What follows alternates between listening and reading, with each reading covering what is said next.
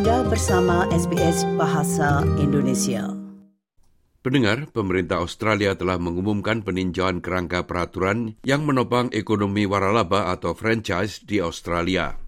Ini akan menyelidiki keadaan kuda waralaba saat ini dan mencari cara untuk meningkatkan sektor yang bernilai 174 miliar dolar itu.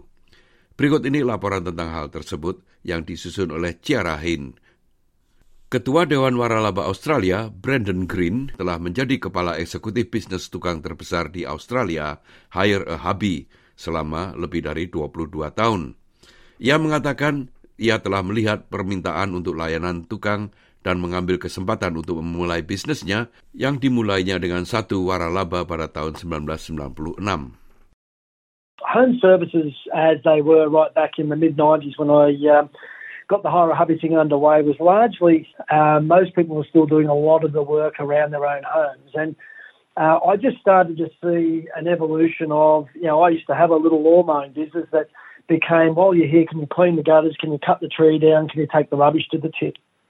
And that expansion of, can you do it for me? Uh, became more and more apparent as the years were going through. So, to, by the late 90s, um, we pretty much moved away from you know, the lawns and gardens, but no one was dealing with the home maintenance, that sort of repairs, maintenance, renovation space.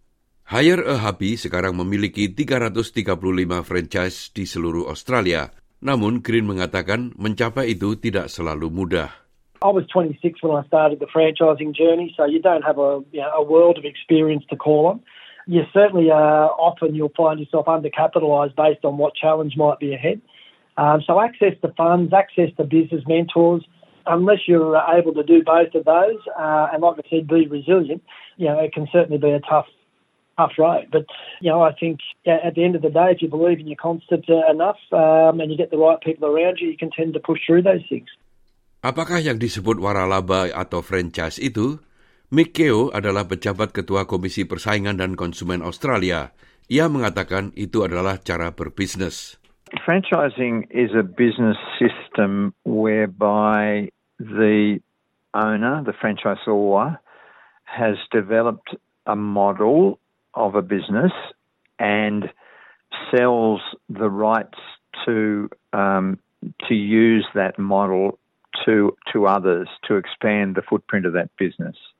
Administrasi Perdagangan Internasional menyarankan Australia memiliki lebih banyak gerai waralaba per kapita daripada negara lain mana pun kecuali Selandia Baru.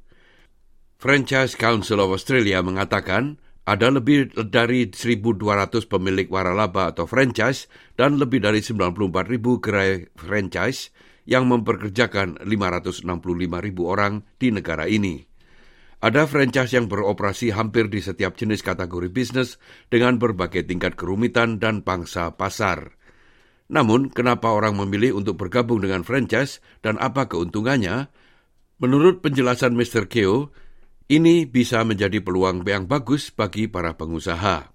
From the franchisee's perspective, the benefit is in normal circumstances they're picking up a tried business model. So, in other words, they don't have to discover everything for themselves in terms of the successful operation of a business.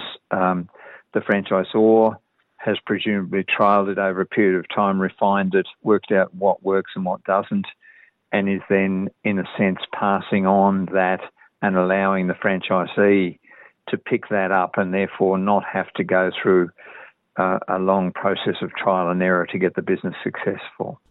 Survei penerima waralaba tahun 2021 yang dilakukan oleh Franchise Council Australia mengungkapkan peran penting yang dimainkan oleh migran di sektor ini. Ditemukan 57 persen pewaralaba lahir di Australia dan lebih dari 40 persen lahir di luar negeri, di mana India sebagai tempat kelahiran yang paling umum kedua diikuti oleh China dan Inggris. Mr. Green mengatakan migran sangat penting untuk industri waralaba ini. I think across franchising in general, uh, we're all looking for talent at the moment. I mean, we've got a uh, very low level uh, of, of, unemployment right now, which obviously takes away the opportunity for people who might be looking to invest in a self-employment opportunity. Um, there are a huge number of brands that are looking forward to immigration uh, pipelines being opened up so we can bring skilled and unskilled labour into the business. So, from a uh, point of view, um, skilled labour coming in is a great opportunity for us to tap into people who uh, are looking for an opportunity to use those skills and for us plug a very big hole. So I think it plays a, a very big and important role uh, across the whole sector. Sementara itu ada beberapa tantangan yang harus dihadapi oleh waralaba. Andrew Terry, profesor dari regulasi bisnis di University of Sydney mengatakan, hal itu bisa menjadi industri yang rumit untuk dinavigasi.